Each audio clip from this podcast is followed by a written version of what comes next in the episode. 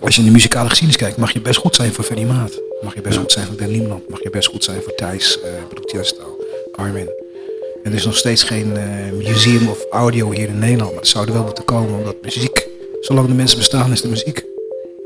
Dus het is een heel belangrijk gegeven voor je opvoeding van de klassiekers blues. En die mensen die, die het echt wat te doen, te, te doen gedaan hebben, die moeten wat erkenning krijgen van het Nederlandse publiek. En die erkenning in Nederland is enorm slecht. We kennen veel stoere verhalen over Mediastad Hilversum. Maar in welke gebouwen speelden die zich af? Waar werden de tapes afgemixt? Waar waren de feesten? En in welke radiostudio stonden jonge, ambitieuze radiomakers te zwoegen? Ook toen ze nog lang niet beroemd waren. Je hoort het in Dudok City, een podcastserie speciaal voor Open Monumentendag. Met nu Pierre Papa, in gesprek met Robin Albers. Robin Albers, welkom. Ja, goedemiddag. Jij hebt hier uh, vlakbij gewerkt. Het grote Avro-gebouw zit hier nog aan de Schavelandseweg. Ja, daar is het begonnen. Het uh, Avro-gebouw, het was natuurlijk een, uh, voor mij de eerste keer dat ik in Hilversum kwam. Was, dat weet ik nog heel goed. werd ik uitgenodigd door Ferry Maat. En toen werd ik in het Mediapark uitgenodigd. En voor mij was dat een openbaring om daar te komen. Het was voor mij de tempel van, van de radio. Was jij fan van de Soul Show van Ferry Maat? Ja, ik, ben, ik heb diep respect voor Ferry Maat, voor zijn keuzes destijds. Hij heeft ons opgevoed met een, uh, een, muzieksoort die weinig gedraaid werd overdag op de radio, toen het vinyl had. En Ferry is volgens mij voor heel veel jongens die nu nog uh, actief zijn in de muziekbusiness een uh, soort god voor. Hij heeft ons groot gebracht met soul, funk en nieuwe muziek. Dus wat mij betreft mag hij een, een standbeeld krijgen. Ja, we zitten in de Jonge Haan. Ja. Ik heb wat voorbereiding gedaan, wat, wat ingelezen. En ik heb begrepen dat heel veel Avro-medewerkers vroeger hier zaten.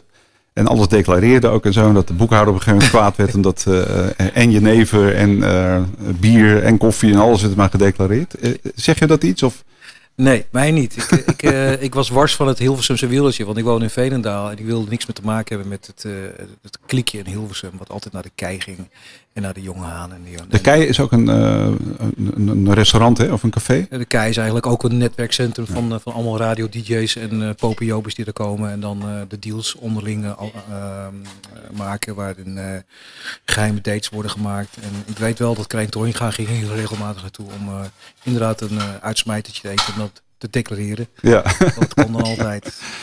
Uh, ja, we zitten hier dus in de Jonge Haan, aan de Schavenlandse weg. Uh, je hoort ook uh, gezellig de geluiden en zo. Ja. Dat maakt het ook wel bijzonder. Heb jij ooit wel eens plaatsgenomen in een podcast? Ben je wel eens geïnterviewd voor een podcast? Ja. Oké. Okay. Ja, ik vind het wel leuk. Wat vind je van dat fenomeen?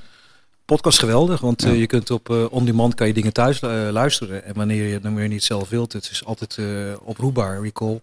Je kunt altijd recallen, dus ik vind het wel fijn een podcast. Het is niet een uitzending op één, maar het is, het is, je kan het ook gewoon oproepen. Dus als je zin hebt van nou ik ga hem nu luisteren, dan kan je zeggen nou dan luister ik hem nu in de auto ja. thuis. Ja, lengte is daarbij ook wel van belang, hè? denk ik. Uh, als het anderhalf uur duurt, ben je ook niet geneigd om dat helemaal te gaan afluisteren. Ik denk als het lang duurt, dan moet je goede muziek draaien. Dan moet, uh, ja, maar dat is een rechterprobleem in een podcast. Ja, degene die interviewt moet een verhaal hebben. Die moet, die moet leuke dingen vertellen en niet, niet te saai zijn. En dan wil ik best wel lang naar een podcast luisteren als er iemand geïnterviewd waar ik uh, respect voor heb en die heeft een mooi verhaal met nog dingen tussendoor waarvan ik denk van nou dat is interessant, dat wist ik nog niet. En dan blijf ik wel luisteren. Uh, heb, heb je iemand waar je naar luistert uh, of iets wat je volgt qua podcast? Nee. Nee.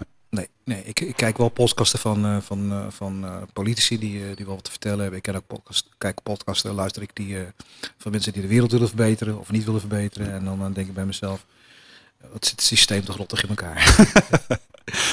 Uh, voor diegenen die, uh, de jongere luisteraar, uh, jou misschien niet zo goed kennen, toch even duiden wat jij allemaal gedaan hebt. In het kort dan. 1984 begon jij je landelijke radiocarrière bij de AVRO op Hilversum 3 heette het toen nog. Dat heeft ook een hele tijd, of nog steeds 3FM geheten. Op de AVRO maandag presenteert hij onder andere Top op Radio en driemaal Doordraai. En begin jaren 90 raakte hij gefascineerd door de housemuziek. Een compleet nieuwe muziekstroming. Die was komen overwaaien uit de Verenigde Staten. Met For Those Who Like to Groove maakte hij eigenlijk het eerste Nederlandse houseprogramma op de Nederlandse radio. Uh, in 1993, en daar hoop ik hem straks nog even over te ondervragen, uh, stopt hij ineens bij de AVRO. Waarschijnlijk door een intern conflict, maar dat, ik zeg waarschijnlijk, want ik wil dat straks even zelf horen. Um, maar ja, uiteindelijk heeft hij bedacht, ik ga het woord DJ omdraaien en ik ga voor dan JD heten. Producer van housemuziek werd hij, zijn wereldwijde doorbraak volgde al snel met uh, Plastic Dreams. En hij is ook mede verantwoordelijk voor vele andere producties, onder andere de Sun Club met Fiesta. En uh, radio had hij nog niet vaarwel gezegd, want in 2000 was hij medeoprichter van het dancestation ID&T uh, Radio. En uh, daar deed hij ook weer voor Those Who Like the Groove. En het grappige is, als radiodirecteur haalt hij ook het jonge DJ-talent Armin van Buren binnen. En die geeft hem daar zijn eigen radioshow. Klopt het een beetje in de notendop? Perfect, ja. ingelezen, ja. Er zitten, zitten kleine dingetjes in waar, die ik nog tussendoor gedaan heb. maar die zijn niet echt, echt significant hiervoor. Maar het verhaal van Armin, dat klopt helemaal. En het andere verhaal van IDT Radio, dat ik dat begonnen ben, dat, is, dat klopt ook. Dat is, uh, Met Duncan Stuttenheim, hè? Ja. De ondernemer? Ik, ik werd door Duncan werd ik, uh, ingesteld als radiodirecteur. Ik moest Slam FM destijds moest ik opzetten. Het was destijds nog kabel. En ik moest een programmering maken die, uh, die afweek van de programmering destijds. Dat heb ik gedaan. Ik heb ik ben wars van horizontale programmering. Ik vind dat elke dag een andere sound moet hebben, zoals vroeger bij de AVRO. Meen je dat nou? Ja, vind ik wel. Ik vind horizontale programmering vind ik het doodsteek voor, voor de radio, omdat het allemaal eenheidsworst wordt. En wij hadden vroeger de maandag die gekleurd was, we hadden de dinsdag die gekleurd was, we hadden een woensdag, we hadden een vrijdag, een donderdag was. En dat vond ik heerlijk, omdat je dan luisterde naar disjockeys die een uh, persoonlijkheid hadden die zelf een keuzes bepaalden grotendeels en die ook nog een bepaalde klankkleur hadden. En als je de radio gaat horizontaliseren, krijg je eenheidsworst, waardoor het niet meer interessant wordt voor een luisteraar te gaan luisteren. En die ga ik op een gegeven moment raak je kwijt. Nou, interessante stelling die je daar aanneemt, want um, het klopt wel, denk ik. Er waren heel veel, uh, ja, vooral authentieke presentatoren, disjockeys. Ik had het daar met Robert de Brink bijvoorbeeld ook over in de podcast. Um, en die, die deed maar wat, die begon ergens bij de KRO en die hadden gewoon carte blanche. Had jij dat ook bij de AVRO toen je daar begon? Uh, 80% en soms 100%. Uh, ik kwam met mijn plaat, kwam ik s morgens om, uh, om 11 uur, 12 kwam ik binnen. Ik deed nog even wat, wat voorbereidende dingen in de, in de studio. En, en dan kwam Jan Steeman, mijn baas, kwam Robin, wat ga je draaien vanmiddag? En dan had ik een stuk of 12, 13 plaatjes had ik. En dan moest ik soms bij één plaat moest ik een verhaal vertellen van uh, wat krijg je ervoor, zei hij tegen mij. Ik zei nou ja, dan krijg ik een reis voor naar Ibiza. en die draai ik dan vijf keer achter elkaar. En krijg ik ook nog een... Uh, van de pluggers of van die ja, ja, Ik maakte er gewoon een grapje van. ik weet nog wel, we hadden hier in dit gebouw hier in de avond hadden een pluggersvergadering. Die was openbaar, uh, openbaar was die open. Mensen konden kijken hoe het ging. Dus wat ik toen deed, ik, ik was altijd wel een voor een grap. Dan kreeg ik een plaat van de plug en dan zei ik tegen die plug, joh stop er even 100 uh, gulden in. Ik zei, als dan mensen binnenkomen, moet je hem die plaat geven en dan trek ik er 100 gulden uit. dus toen kwamen een stuk of 20 mensen kwamen binnen en, uh, ik zeg, en zei, die plugger zegt tegen mij van, wil je deze plaat draaien? Ik zei, hoeveel zit erin dan? Dus ik pakte zo die 100 gulden eruit. Ik zeg, ja oké, okay, dan draai ik hem maandag wel even. Maar in die tijd, de Avro Maandag was een van de best beluisterde dagen, dacht ik hè? Ja, het was een, het was een best beluisterde maandag. Tros Donderdag was geloof ik toen het best beluisterd. We hadden de Tros, we hadden de Veronica Vrijdag, ja, later, de maandag. Ja. ja, maandag is natuurlijk de dag na het weekend. En dan wil iedereen toch wel in de auto wil muziek luisteren. En we hadden natuurlijk een enorm groot bereik. We hadden niet zoveel, zoals nu zoveel uh, uh, omroepen op de, de band zitten. In die tijd was er volgens mij maar één popzender in Nederland. Eén popzender, ja. ja. Radio 3 was dat, Hilsum 3. Miljoenen luisteraars? Ja, miljoenen luisteraars. Dus ik had geloof ik iets van 3 miljoen luisteraars op de maandagmiddag. bizar, hè? Ja. ja. echt bizar. Ik kan je het nou niet meer voorstellen. En we hadden natuurlijk een programmering die echt geënt was op de disjockey zelf. Dus bedoel, je had arbeidsvitamine wat heel erg populair was op, op, op het werk, wat iedereen aanzette eigenlijk. Met een, een, een, een firma die uh, op die dag in het zonnetje gezet werd en die ook nog geïnterviewd werd. Dan had je 12-2 had je Hollands Glory. En dat je Meta de Vries. En dan had je Cas van Iersel aan het einde samen met, uh, met Bas of zo. En had je mij tussendoor tussen twee en vier met Top Radio. Met heel veel aandacht voor de dance. Omdat ik uit ja. de club kom. Was dat in de jaren tachtig ook al? Ja. Oké, okay, want, ja, ja. ja, okay, want jullie daar over, het was al een soort hitradio, kan ik me herinneren ook. Het was een soort hitradio, maar ik was degene die heel veel signaleerde. Ik vond het leuk om toen al nieuwe muziek te signaleren. En dat ook aan mijn baas voor te leggen van, kijk, uh, dit is Papa Chico van Tony Esposito. Ik zeg, die moeten we gaan draaien. En dan zag hij helemaal niet zitten. Lambada is door mij eigenlijk in Nederland een grote hit geworden. Heel Hilversum zag dat niet zitten, Lambada. En ik vond het zo'n prachtig plaatje. Net zoals Tony Esposito met Papa ja, Chico. En, ja, en, zijn en, gigantische hits geworden. Ja, en ik heb, ik heb ook, als je Triviant het spel kent, dan is er ook een vraag in Triviant. Welke Afro-disjockey heeft het meest BZN gedraaid? Echt waar? Ja, nou, je zit tegenover Ja. Ik was degene die het meest BZN draaide. Omdat ik BZN een hele goede band vind. Een goede, dat klinkt gewoon goed. Cats ook. Ik bedoel, we hadden destijds hadden we een rapper uit Nederland. Dat was eh, Tony, eh wat je wil Tony? Melvin? Tony Scott. Oh, Tony Scott. Ja, had een plaat uit The Chief en uh, That's How I'm Living. En niemand draaide dat. En ik, ik heb dat gedraaid week in week uit. Totdat het kwartje viel en iedereen het ging draaien. Dus ik ben wel een soort uh, disjockey geweest die, uh, heel veel aandacht besteden aan het Nederlands product. Ja, dat, dat, dat is ook iets inderdaad. Het signaleren van, van nieuwe hits, dat is tegenwoordig ook niet meer natuurlijk. Het is Eh, veilig, Er zijn laf. muziekredacties en, Ja. en music directors, ja. Eh, even een klein sfeerimpressie van die tijd, Ja. met wat vormgeving.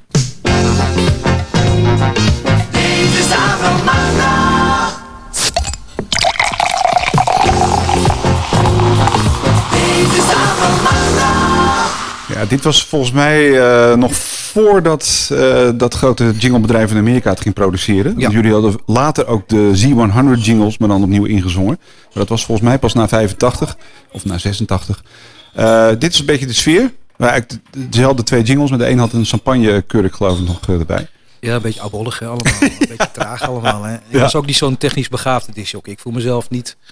Ik voel mezelf niet een disjockey à la disjockey die presenteerde. Ik was, een, ik was een jongen die uit de club kwam. Ik ben uit de clubs gekomen en ik eh, ben ontdekt Jan, door Jan Steeman tijdens een landelijke disjockeywedstrijd die door de AVRO was uitgeschreven. Mignon? Was dat Eh, Mignon? eh, in samenwerking met Mignon. En er zijn geloof ik 7000 eh, kandidaten eruit getest. En er zijn er twee uitgekomen. En die andere die wil ik eigenlijk niet noemen, omdat het een vervelende kwal is. Oh, oké. Die onlangs Ja. gearresteerd is voor, je weet al, Ja. pedofilie. Dus daar heb ik, wil ik niks mee te maken. Daar heb ik heel veel last van gehad. En, eh, maar die was er ook bij. En ik, dat vond ik een hele slechte disjockey trouwens. En ik vond mezelf niet een uitermate goede disjockey. Eh, ik blonk uit in mijn keuzes. Niet in mijn presentatie of mijn snelheid, maar in mijn keuzes Nou ja, muziek. dat is wel grappig, want ik had natuurlijk in die tijd ook eh, helden, Lex Harding en Felix Meurders en, en noem maar op. Ehm, maar ik kan me herinneren, jij was wel eh, een van de weinigen die toen al heel authentiek klonk. Je zat dicht bij je stemgeluid. Ehm, je had echt wat te melden. Het ging over die muziek. Dat kan ik me herinneren. Ja, er is een, eh, dat is misschien een leuke heb je. Er is een, een, een, een, eh, een goeroe gekomen uit Amerika. Die sprak geen Nederlands. En die heeft de Avro-dag doorgelicht qua stem.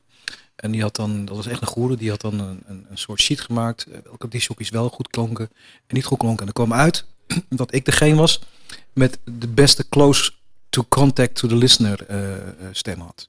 Terwijl het niet was ik zei, want ik maakte ook heel veel taalfouten. Ik bedoel, eh, ik praat soms te snel, waardoor ik struikel over mijn woorden. En ik heb zelfs ook wel eens ruzie gehad op de radio met luisteraars. Oké. Echt werkelijk ruzie. Gewoon dat ik zei van, als je niet weet waarvoor je belt, moet je ook niet bellen. ja. Dus had ik iemand aan de telefoon met Avers 3 dubbel. En dan, eh, dan moest je dus drie plaatjes Ah, ja. raden. En dan, Ja, eh, ja, ja. dan belde iemand op en dan zeg ik, ja, aan de telefoon eh, Pieter Frans uit, eh, uit Ka- Katwijk. Zeg het maar, waar bel je voor? Ja, ik weet het niet. eh, ik hoorde dat er gebeld kon worden, dus bel ik even. Ja, dat is ook heel irritant Ja, natuurlijk. dan zeg ik meteen op de radio, waar bel je dan voor, joh? Ja. Maar hadden jullie niet een producer die dat eh, van tevoren ook eh Ja, soms slipte het wel eens de drain. Dan zat ze niet op te letten. Dat was Carla Versloot. Die, eh, Ah ja. ja. En dan lette ze af en toe niet op en die stak dat dan door. En dan kreeg je zo iemand aan de telefoon. En dan, eh, ja, dan ga je ermee praten. En op een gegeven moment denk je, wat een idioot is het. En ja, dan behandel ik hem ook als een idioot. En, en eh, Jan Steeman, jouw baas, eh, werd je op een matje geroepen of kon dat gewoon? Ik Of? ben de, ik ben de afrojockey die, disjockey die het meest geschorst is door Jan Steen. Echt waar? Ja, er werd er verteld de week daarna van... Robin is op vakantie, maar dan was ik echt geschorst. Door brute uitspraken op de radio. Door het niet draaien van de Afro radio televisietip die ik niet goed vond. Oké, maar dat kon eigenlijk ook niet. Hè? Dat hoorde wel bij, bij die AVRO. Nee, toch? ik vind, eh, kijk, als een plaat gekozen is in, in democratie en ik vind het een klote plaat, en dan draai ik hem gewoon niet. ik bedoel, ik ben de disjockey, dus ik bepaal. En dat was toen al zo in de, dis, in de discotheek. Ik ben een keer midden in de avond ben ik opgestapt in de discotheek doordat de baas tegen me zei, je moet nu carnavalsmuziek draaien. Want er draait een andere disjockey ook op deze dag en je moet nu invallen. En ik zeg, ik draai geen carnavalsmuziek. Nee. Zegt hij, nou, ik ben de baas. Zeg, ja, en ik ben de disjockey. Dan sla- ontsla ik jou nu. Ik zeg, dan ga ik nu. Dus ik pakte zo de plaat van de naald af, de naald van de plaat. Want ik ben weggegaan. En met de radio ook. We hadden die destijds met die plaat eh, You Spin Me Round van... eh, Dead or Alive. dat vond ik een verschrikkelijke plaat. En ik had hem op dinsdag geïnterviewd in de, in de, in de studio bij Top op eh, tv. En dat was een vieze man met ontzettend lange teennagels. dat weet ik nog heel goed herinneren. En, en eh, die, die- mijn baas zei, ja, dat wordt de nieuwe radio televisie. Ik zei, nee Jan, die ga ik echt niet draaien. Ik zeg, als je die gaat draaien, dan ben je de, de week daarna geschorst. Dus ik heb hem niet gedraaid. Ja, eh, maar dat, eh, nou, ik vind het wel grappig om te horen. En, en ook goed dat je gewoon heel authentiek daarin bent. Maar ja, eigenlijk, maar als je een Avro radio en televisie hebt, tip hebt, dan moet je hem draaien. Moet je hem is- draaien. Ja, toch? Ja, Zou je dat nu dan weer doen? was ik- destijds was ik rebelser dan nu. Ja, oké. Ja. Nou, dat is natuurlijk als, prima. als ik het nu zou doen, zou ik zeggen van nou, deze plaat hebben we democratisch gekozen. Ik niet. Ik vind het namelijk een hele slechte plaat. Maar ik zou hem dan wel draaien. Oké, ja, dat kan. En dat was volgens mij deed Felix Meurders dat in de jaren tachtig. Die presenteerde de Nationale Hitparade. Ja. En die zei dan, eh, puntje erin, puntje eruit, zet je radio maar even vijf minuten uit. Hier zijn de slijpers. Oh ja, ja. Dat is natuurlijk ook eh, eh, gek natuurlijk als je een Ja, presenteert. maar laat je, wel, dan, laat je wel, grappigs. dan laat je wel weten wat je van iets vindt, weet je wel. Dan Mensen leren dan wel. En sommige mensen res- respecteren dat dan. En andere mensen denken bij jezelf, wat een arrogante kwal is dat. Nou ja, Ja. dat is nou eenmaal zo.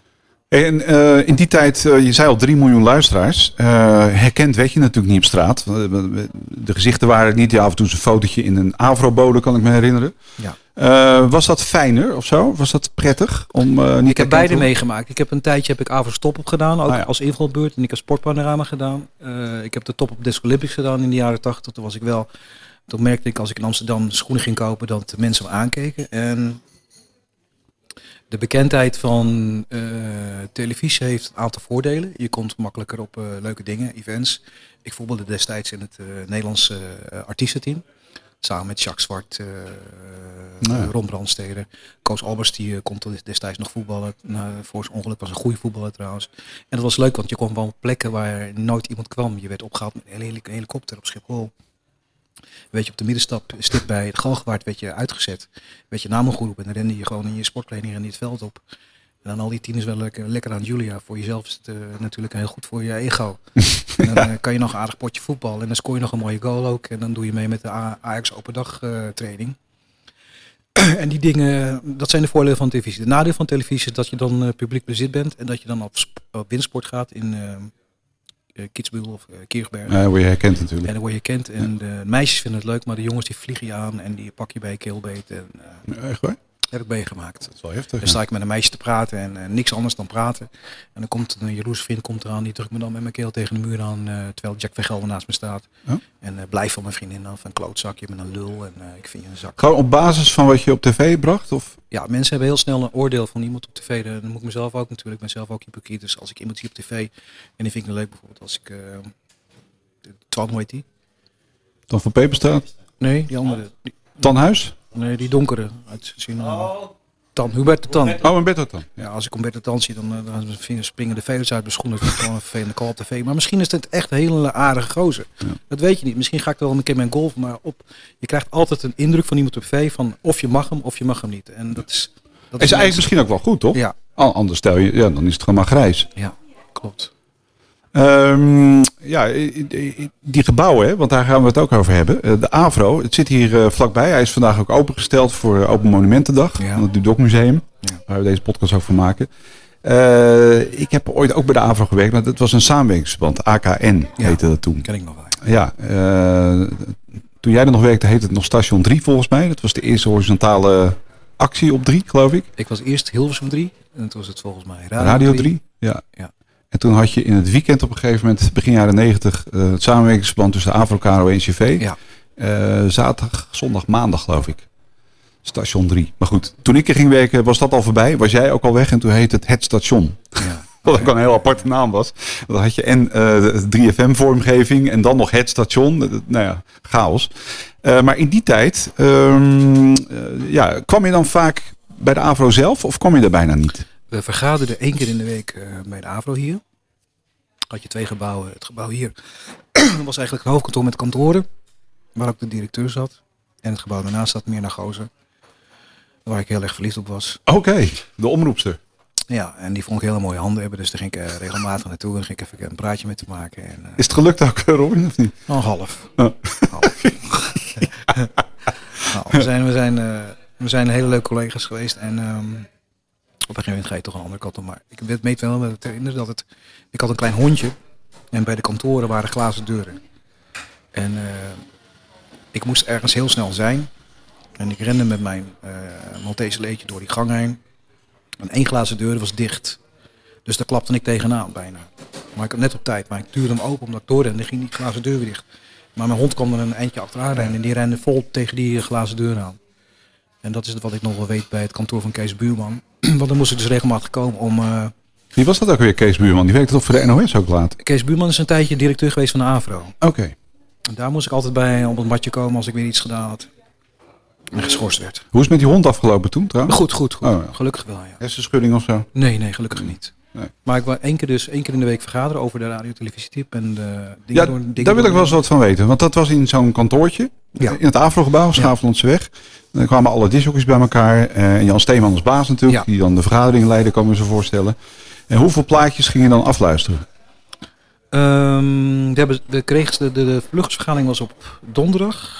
Eh, we moesten het weekend moesten afluisteren. Oh ja, even huiswerk doen. Ja. Nou, dan had iedereen één plaat die hij voordroeg als de tip. En dan gingen we over stemmen met een mannetje of acht. Dus iedereen mocht de plaat meenemen. En dan gingen we over stemmen. En soms dan kreeg degene die de plaat meenam, eh, bijvoorbeeld maandag mag Krijn Toorn gaan bepalen wat de RTV-tip wordt. Mm, Behalve als hij heel slecht is, dan doen we het niet. Dus het was wel vrij democratisch. Ja. Dus als Bas een plaat meenam, en maar soms dan waren er omstandigheden waardoor wij niet wisten dat het een, een tip werd, dan hadden wij geen invloed. Bijvoorbeeld als Jan een, bijvoorbeeld een deal had gesloten met een platenmaatschappij en zij geven daar ondersteuning aan. Bijvoorbeeld als je een RTV kiest, moet je ook ondersteuning geven. Dat wil zeggen dat je hem twee of drie weken of vier weken of vijf maanden zelfs nasteunt. En daar zitten voordelen aan. Dan, dan krijg je bijvoorbeeld exclusief een video. Je krijgt exclusief een, een interview bij Top eh, TV. Dus dat was allemaal een soort politiek steekspelletje. En als wij het wel deden, deed de Tros het niet. En als de Tros het wel deden, deden wij het niet. Nou ja, dat wou ik zeggen. Dat, dat lijkt me wel eh, lastig dan, eh, als je zo'n vergadering hebt. Want dan heb je, eh, ja, de Prada-plaat had je van de Tros en de Veronica Alarmschijf, de NGV Favoriet, favorietschijf. hè? Ja. En zo had je er nog wel een aantal. De, de, de steunplaat van Frits Spits. Dus sommige, sommige platen vielen ook gewoon af, omdat die al erg schijf was, of niet? Ja. Parkeerschijf kan ik me zelfs nog herinneren. Ja, dat was, een, dat was echt een politiek spel. Want wie kreeg het als eerste het album van Michael Jackson? Wie kreeg het eerste album van eh, Whitney Houston? Of van Prince?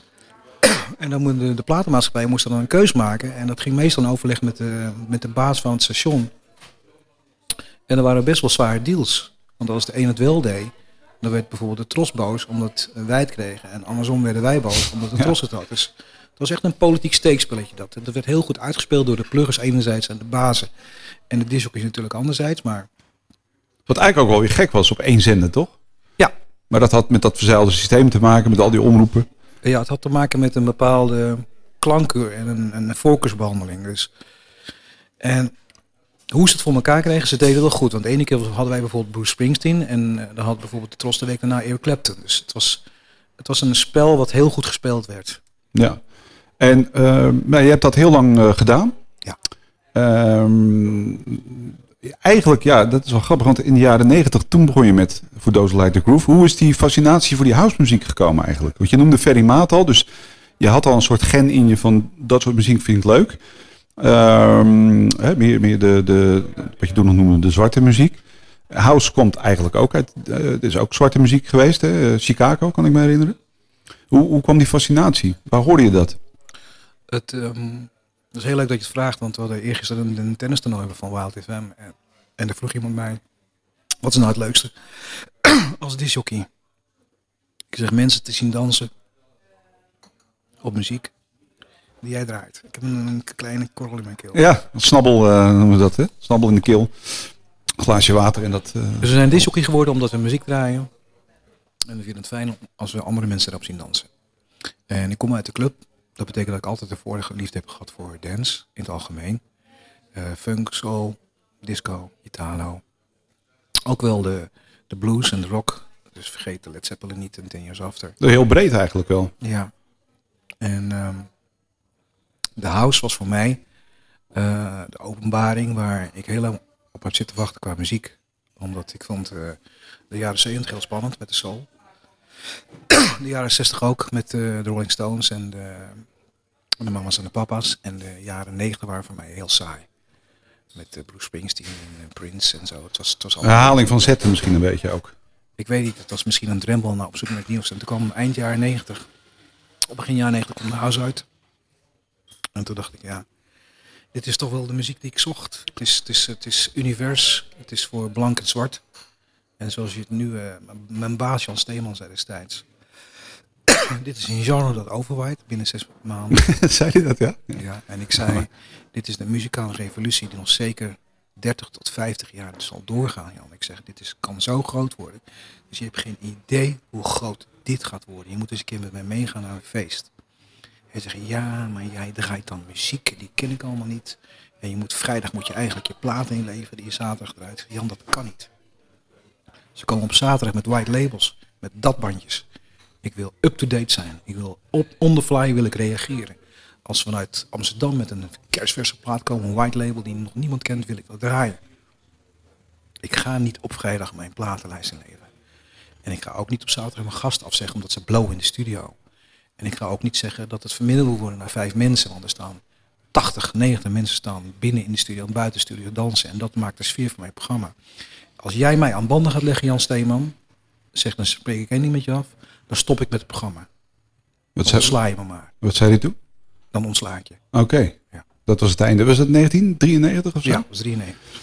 Voordat het zover was, heb je natuurlijk wel gewoon echt het eerste houseprogramma op de Nederlandse radio gemaakt. Ik wil toch even een stukje eh, laten horen, ook voor diegenen die het nooit gehoord hebben. Voor Those Who Like to Groove, ergens begin jaren 90 op eh, ja, Radio 3, noem Spannend. het Ik, station ik 3. heb de tijd niet gehoord meer. Ja, met, met DJ-wedstrijden en zo. Oké. Tot 10 uur voor Those Who Like to Groove met Robin Albers. Live vanuit Parkzicht in Rotterdam. Goedenavond allemaal. De laatste uitzending van For Those Who Like the Groove. Oh, wat triest hè jongens. Zaterdagavond van 8 tot 10 op je radio. house party. You know what I'm saying? Oh, house party? Yo, man, not just any house party, the mother of house parties, man. For those who like to groove. Zo jongens. We zien hier ook zo'n eh, uitzending gemaakt vanuit Parkzicht Rotterdam. En het eerste uur hebben we een aantal toonaangevende DJ's in Parkzicht uitgenodigd. Om hun favoriete houseplaat mee te nemen. En daar iets over te vertellen. En als eerste eh, DJ Jean van de IT in Amsterdam. Jean, goedenavond. Goedenavond Robin. Je hebt ook een plaat meegenomen Jean. Welke is dat? Dat, is, eh, dat zijn de Mixmasters met In The Mix, een plaat uit 1990. Het moest een eh, all-time favorite zijn vanavond. En eh, Ja. er zijn een heleboel goede recente platen natuurlijk. Maar ja, als all-time favorite eh, vond ik het wel leuk om een echte klassieker te nemen die ik nog steeds draai. En dat is deze plaat. Jongens, dit was op DJ Jean van dit. Hij draait er op vrijdags en zaterdag. En je hoort nu zijn favoriete houseplaat. Geef hem even applaus. Ja, ja. DJ Jean. Daar had nog nooit iemand van gehoord in het land, denk ik. Hij was een beetje bekend onder een andere naam. eh, Fresh Force. Hij had een, eh, een wedstrijd gewonnen. De scratchwedstrijden bij uh, Avond iemand doordraaien. Want, want dit, dit was ook een soort... eh, nog een slokje water, Roen. Dit was toch ook, eh, dit was ook een soort DJ-contest die hij deed, toch? In het land? Dit vanuit Parkzicht in Rotterdam? Pak zich was de laatste uitzending. Oh, laatste, ja. Maar eh, Maar je hebt wel DJ-wedstrijden georganiseerd, kan ik me herinneren. de Nederlandse mixkampioenschappen. Dat was het, ja. En daar zijn ook grote namen begonnen. Erik I. Ja. Jean. Michel de Heij. Ruud van Heijen. Hoe kwam je erbij om, eh, om dit te doen? Want wat ik al zei, eh, het is echt een uniek programma geweest. Het was het, was het ja, de eerste, de eerste, eigenlijk het eerste houseprogramma op de Nederlandse radio, toch? Ja. En ik, eh, als Jij ik hebt dat wel denk- als, als, aangevoeld. als ik er nu aan denk, denk ik bij mezelf. Het is, wat is het toch erg dat eh, iemand dat het totaal verkeerd ingeschat heeft. Anders had het nu nog bestaan. Hadden we waarschijnlijk wereldwijd het eh, best beluisterde. Ja, het zou zomaar kunnen, ja. Maar eh, Jan Steeman die geloofde daar niet in, die hield op. Toen dacht jij, zo niet op met die radio, ik ga wat anders doen. En jij draaide, dat vind ik wel briljant, je draaide het woord DJ om en maakte daar JD van. Hoe ging dat? Ja, ik had nooit verwacht dat hij mij gewoon zou ontslaan. Dus toen hij me dat vertelde op een maandag. nou, jij luistert niet naar mij en eh, ik ga afscheid van je nemen. Toen draaide mijn wereld zich om. Want die was van iets, niets eigenlijk. Ja, die was alles voor me. En eh, ik, ik heb tranen in mijn ogen niet van. Nee. Maar het is best wel emotioneel, want als je jarenlang radio hebt gedaan, wat, wat eigenlijk eh, je liefde en je leven is, en je krijgt op een dag te horen van er is geen ruimte Ja. meer voor jou, omdat eh, we, is. Kunnen, we kunnen je niet controleren wat wij graag willen. En ik, ik vind de controledrift nu al eh, ontzettend groot, dus destijds was het al eh, groot. En ik wilde vrij zijn in mijn keuzes en ik stond achter de programmering van mijn programma. En als, dan, als je dan ontslagen wordt, en dan ben je eigenlijk van iets ben je niets. Dus mijn draaide zich om. Ik dacht bij mezelf, ja, wat dan nu? Wat ga ik nu doen? En toen ben ik gaan produceren. En binnen een jaar had ik een eh, wereldhit. Ja, gigantisch hit. Echt Ja. niet te geloven. Dat eh, Plastic Dreams, hè? Ja. En, maar jij bent gewoon, eh, heb ik al eens gelezen, in je studiootje gaan zitten en de hele nacht gaan, gaan, ja, gaan nachtlang pielen. geoefend, ja. En, en, en Sven van Veen werd helemaal gek van mij. DJ Sven, weet je wel. Ja. Want die had me de beginselen van het produceren van Cubase bijgeleerd. Dus midden in de nacht belde ik hem op om drie uur. Sven, ik kom er niet uit. Je moet me even helpen. Ik zit hier en hier mee. En dan ging hij het uitleggen en dan, dan ging, kom ik weer verder. De huidige sidekick van Rob van Zomeren trouwens. Ja. Ja. ja. Een fantastische kerel die mij echt eh, midden geholpen heeft met tips en tricks en zo. En eh, die mij eigenlijk geholpen heeft om die hit te maken. Maar was dat in één nacht dat jij Plastic, Plastic Dreams hebt ontworpen, zeg maar? Ja. Dat was in één nacht, dat was een warme augustusnacht samen met een eh, vriend. Zat ik op balkon bij mijn flatje. En we hadden een joint opgestoken. Ik zeg niet dat je een joint moet opsteken als je een goed nummer maakt, maar je gaat wel, je komt in een andere sfeer. En die sfeer heeft er wel uiteindelijk voor gezorgd dat ik heel veel fouten in die track gemaakt heb, die uiteindelijk weer goed bleken te zijn. Quantize-fouten, ehm, geen break erin. Want als je, als je functioneert zoals de normale mens en normaal nadenkt, dan ga je in, in, in principes denken, in, in structuren.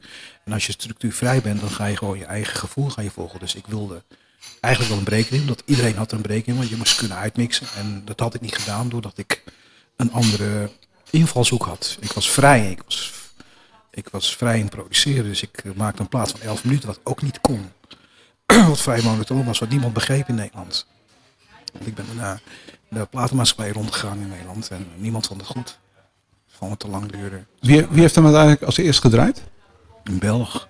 Echt waar? Ja. Op de Belgische radio ook? Een, Belg, een Belgische producer, Frank de Wulf. Die had altijd in zijn auto en die zat met een hele bekende platenbaas in de auto. En die draaide die plaat. En, eh, net toen hij uit wilde stappen, die platenbaas, toen hoorde ik die bel. Ja. Toen stapte hij weer in de auto. Want eh, kijk, in twee seconden wordt het ge- ge- gebeurt het. Hè? Ja. Dus hij stapt uit de auto om waarschijnlijk een broodje te eten. en hij hoort die bel. Ik zei, wacht even, ik wil even die bel nog horen. En hij stapt weer terug in de auto. En die hebben die hele plaats van 11 minuten uitgehoord. En toen zei hij tegen Frank Wil, wie is dit? Zei Frank dat is JD. Ja, wie is JD? Niemand wist wie JD was. Nee. Niemand wist dat. Toen kwamen ze bij mij uiteindelijk na een paar weken. En eh, toen zijn we naar België toe gegaan en hebben een deal gemaakt. En toen zijn er miljoenen van verkocht. Maar uiteindelijk ook eh, in de top 40 in Nederland terechtgekomen. En weet ik veel hoeveel landen. Ik Niet? geloof niet in de top 4 in Nederland. Jawel toch? Nee, nee, Nee? nee, nee, nee. nee. nee. Maar wel wereldwijd. Wereldwijd niet. In Nederland niet. Maar dat is gekke in Nederland. Gek, eh, ja. ik, ik vind altijd maar in Nederland zorgen ze slecht voor die iconen. En dan, eh, ja, doe maar gewoon en eh, blijf maar jezelf. Maar het is wel goed, doe maar gewoon. Maar het, maar het mag best wel, je mag best wel goed zorgen voor die iconen die wat betekent. Ik bedoel, als je in de muzikale geschiedenis kijkt, mag je best goed zijn voor Ferry Maat. Mag je best goed zijn voor Ben Niemland. Mag je best goed zijn voor Thijs, eh bedoel Tiesto, Armin. En er is nog steeds geen museum of audio hier in Nederland. Maar dat zou er wel moeten komen, omdat muziek, zolang de mensen bestaan, is de muziek. Dus dat is een heel belangrijk gegeven voor je opvoeding voor nou klassiekers blues. En die mensen die, die het echt wat te doen, te, te doen gedaan hebben, die moeten wat erkenning krijgen van het Nederlandse publiek. En die erkenning in Nederland is enorm slecht. Ja. Kijk maar naar alle artiesten, die zijn bijna allemaal in het buitenland groot geworden. En pas daarna werden we in Nederland wakker van, oh ja, hij komt uit Nederland. Zullen we eens goed voor hem zorgen? Nee. Nee. Engeland gaat veel beter om met zijn artiesten. Amerika ook. Duitsland, België. Ja, hier, hier is het credo vaak nog steeds. Doe maar gewoon, doe je gek genoeg. En als je boven Maaiveld uitsteekt, dan moet je kop eraf. Zo is het een beetje. In principe is het wel een goed credo, maar het zou ook wel leuk zijn als je wel afgerekend wordt op je geschiedenis en die staat van dienst. En dat, dat, dat mis ik nog wel eens hier in dit land. Ehm, ja, je hebt eh, dat programma hield op. Eh, je ging weg bij de Afro. Je ging dan de Plastic Dreams. Fiesta werd wel een top 40 hit volgens Ja, mij. Hè? Die wel, ja, dan ben je ja. daarmee in de war. Dat is wel een grote hit. Ehm, eh, maar uiteindelijk ging je toch weer radio maken. We slaan even een periode over. Maar in 2000, eh ID&T radio, ook een beetje de voorloper van Slam. Wat toen door Lex Harding werd gekocht. Toen werd het Slam. Ehm, hoe ben jij overgehaald om dat te gaan doen als programmadirecteur? Dat had je ook nog nooit gedaan, neem ik aan. Nee. Uh, Duncan vroeg aan mij, hij zegt, eh, wil je de kapitein worden van het radioschip wat ik heb? Ik zei, ja, dat is goed. Maar wel, wel carte blanche alsjeblieft. Toen heb ik eh Armin van Buren aangenomen, Roog, Michel de Heij. Hoe kwam je erbij om Armin van Buren erbij te halen? Ik kende Armin al de tijd van eh, begin jaren 90. Het was een vriendje van eh, Johan Groenewegen. En die stond, Armin stond in de platenwinkel van Johan Groenewegen waar ik was kwam in Leiden. Dat heette Cyber Records. En toen was hij al plaatjes aan het maken. En ik vond hem een hele intelligente jongen. Echt zo'n zo'n braaf jochie, weet je wel. De boy, boy next door. En helemaal gek van radio, hè? Helemaal gek van radio. En zijn muziek was goed. Dus zei ik tegen hem, nou, ik heb een vrijdagavond, dat heet, heb ik twee uur over. State of Trance wil ik het gaan noemen. En ik wil dat jij dat gaat eh, presenteren. Jij hebt die naam ook bedacht? Ja. Stedelijk. ja? Ja, ja. En toen, ik heb nog geen patent op aangevraagd, hoor, maar ik belde hem op. Ik zeg, Armin, ik heb er twee uur over. State of Trance moet je gaan doen. En eh, wil je dat gaan doen? Hij zei, ja, dat wil ik gaan doen, maar je gaat ook presenteren, zeg ik tegen hem. En toen zei hij, ja, ja, moet ik dat wel gaan doen, ja of nee? Ik zeg, ja, ze willen weten wie er achter, achter je stem zit. Dus je stem is bepalend. Je kan er heel groot mee worden. Zit er nu op de kabel, maar als het wereldwijd gaat, dan, eh, dan kan je daar heel veel plezier van krijgen. Volgers. En zo is het gegaan eigenlijk. En of het nou mijn verzinsel is of zijn verzinsel, dat maakt mij niet uit. Nee, dat dat, niet. dat vind ik niet belangrijk. Nee. Ik vind het belangrijk dat ik mensen kan helpen in een ontwikkeling, in een carrière. Dat heb ik altijd gedaan. Of het nou bij DJ Jan is geweest, of bij uh, Tom TB, of bij Melv, of bij Michel Heij, of bij Armin. Bij sommige jongens heb je een klik en sommige mensen heb je geen klik. En dan doe ik daar minder voor. Maar als ik echt eh, iemand in mijn armen sluit, dan wil ik er alles voor doen om hem verder te helpen. Heb jij eh, Armin toen in het begin van zijn radiocarrière ook een beetje eh, feedback gegeven of zo? Of hoe ging dat? Of Ja. je hem gewoon begaan? Ja, ik, ik, ik ging de shows natuurlijk altijd naluisteren. Ik was erbij en ik heb eigenlijk nooit kritiek geleverd. Ik heb meestal gezegd van, nou, ik zal dat en dat anders doen. Gewoon tips, Ja. suggesties. Ja. Maar ik liet me- meestal iedereen de vrije hand. Ehm, ja, dat was eigenlijk wel eh, uniek in Nederland. Hè. Dat was er ook nog niet, een station met alleen maar dance. Eh, dat is helaas niet gelukt. Zoals al vaker initiatieven niet zijn gelukt commercieel, omdat eh, er te weinig adverteerders waren. ja, of, eh, klopt. Dat is het probleem. Dat was het probleem. Ehm, eh, dat hield na, twee jaar op of zo. Um, nee, iets korter. Ik denk anderhalf jaar. Ja. ja. En eh, wat ben je toen gaan doen? Ehm, daarna ben ik eh, eh, muziek gaan maken. Eh, een label begonnen. Ik heb nu een label met de partner die naast me zit. Een eh, label First Impression Streaming Music. Waarbij wel opgemerkt moet worden dat het heel moeilijk is. Omdat er komen 30.000 tracks per dag uit. En wij, wij specialiseren ons op clubmuziek. Maar de hits die, eh, zijn bepalend voor de inkomsten. En als je een hit hebt van drie minuten, dan denken wij van, nou, dat wordt gedraaid op de radio. We hebben een goede plug aangenomen uit Hilversum. We merken nu dat het heel moeilijk is om die stap, die drempel te nemen naar radio toe. We hebben goede producten, goede drie minuten producten, waarvan ik denk van, nou, dat zou ik gedraaid hebben als ik disjockey was. En ik hoor het niet terug op de radio. Dan denk ik, nou, er is echt structureel iets goed fout in Nederland. Ik vind het eh, Nederlandse radioklimaat zeer armoedig tegenwoordig. Omdat het kan toch niet zijn dat één persoon van 22 of 23 of 24 jaar gaat bepalen voor acht mensen op een dag wat zij moeten gaan draaien. Ik vind dat de grootste ziekte in de Je muziekwereld. bedoelt eh, de, de, de, de hoeks die gemaakt worden. Mensen kunnen dan kiezen welke muziek ze willen horen. De, de muziek testen bedoel je? Nou, muziektesten nog ineens. Ik vind het, ik vind het belachelijk dat één persoon zeg maar, die, die zichzelf radioprogrammeur. Music directors bedoel je? music director. Die naam alleen al kan hij daar maar strot krijgen. Eh, elke disjockey, vind ik, moet zeker 80 tot 70 procent eigen keuzes kunnen draaien. Waarbij 20 procent betaald, bepaald wordt door de politieke structuur van een radiozender. Als dat vervalt, krijg je eenheidsworst. Dan krijg je één persoon. En hoe kan het zijn dat we overal kartelvorming voorko- voorkomen? Dat er wel één persoon is die bepaalt wat duizenden mensen in een auto moeten beluisteren. Eén persoon per, per dag. Of per omroep of per, per bedrijf. Ik vind dat de grootste sinecure die er is. Die mensen moeten gewoon meteen op straat gezet worden. Die zijn totaal overbodig. Als je disjockey wordt, word je disjockey omdat je van muziek houdt. Omdat je een bepaalde klanken wil laten horen. En niet omdat je marionet bent, marionet bent van één persoon. Die zegt, dit zijn de tracks die je moet gaan draaien. Fijne uitzending. Ja. Ja, wegwezen. Maar ja, dat heeft natuurlijk ook te maken met het feit dat eh, de reclame verkocht moet worden. Eh, eh, eigenlijk, wat jij daar zegt, hè, publieke omroep zou dat wel kunnen, moeten doen, denk ik. Die zouden eh, ook muziek kunnen laten horen die nog niet zo bekend is. Ja, die slaan totaal de plak mis. Ze proberen het in het, in het, kielzog van de, van de populaire eh omroep op proberen ze een eh, programmering af te stemmen. Maar ze moeten totaal de andere kant op gaan. Zij moeten nieuwe muziek draaien. Jij, jij doelt op, op 3FM bijvoorbeeld? ja, goede, goede oude soulplaten, een, een, een, een dag, programmering die s'morgens heel, heel erg populair moet zijn. Van, van 8 tot 12 gewoon de mooie hits, weet je wel, afgewisseld. Een soort arbeidsvitaminachtig. Maar dat is eigenlijk, dat is Radio 2 een beetje, wat jij zegt. Mm, De, de keuze is totaal verkeerd. Nee, nee. Ik hoor geen, ik hoor geen Barry White. Ik hoor geen. eh, ehm, ik, hoor, ik hoor totaal niet muziek die ik thuis wel heb, die heel goed is.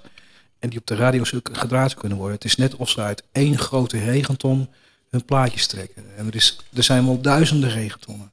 Dus waarom pakt iedereen altijd uit, alles uit? Waarom horen we altijd de Eagles met de Hotel California? Ja. Ja. Robin, als ik dit hoor, hè, dan denk ik, eh er er brandt nog steeds in jou iets, een soort van radiovirus, een muziekvirus. Dat is een negatief woord, virus, maar ik bedoel het goed. Zou je niet gewoon nog toch een poging moeten wagen om een, een eigen desnoods internetstation te gaan beginnen? Want dat wordt, dat wordt ook steeds eh, aantrekkelijker om dat te doen. Ja, daar hebben we het regelmatig over, ook met de Party in Dansbezit. Eh een podcast, een eigen internetstation. Ik heb natuurlijk een hele brede keus wat betreft eh, de eh, jaren 60 en 70. En iedereen zegt tegen mij, maak nou een Spotify playlist met bijvoorbeeld elke week of elke maand jouw favoriete 50 tracks van eh, de jaren 70. 50 favoriete tracks van de jaren 80, 90. En nu, en de nieuwe ook. Ik ben natuurlijk een, eh, een onderlichte eh, muziekkenner. Eh, eh, niet zo groot als misschien als Gerard Ekdom.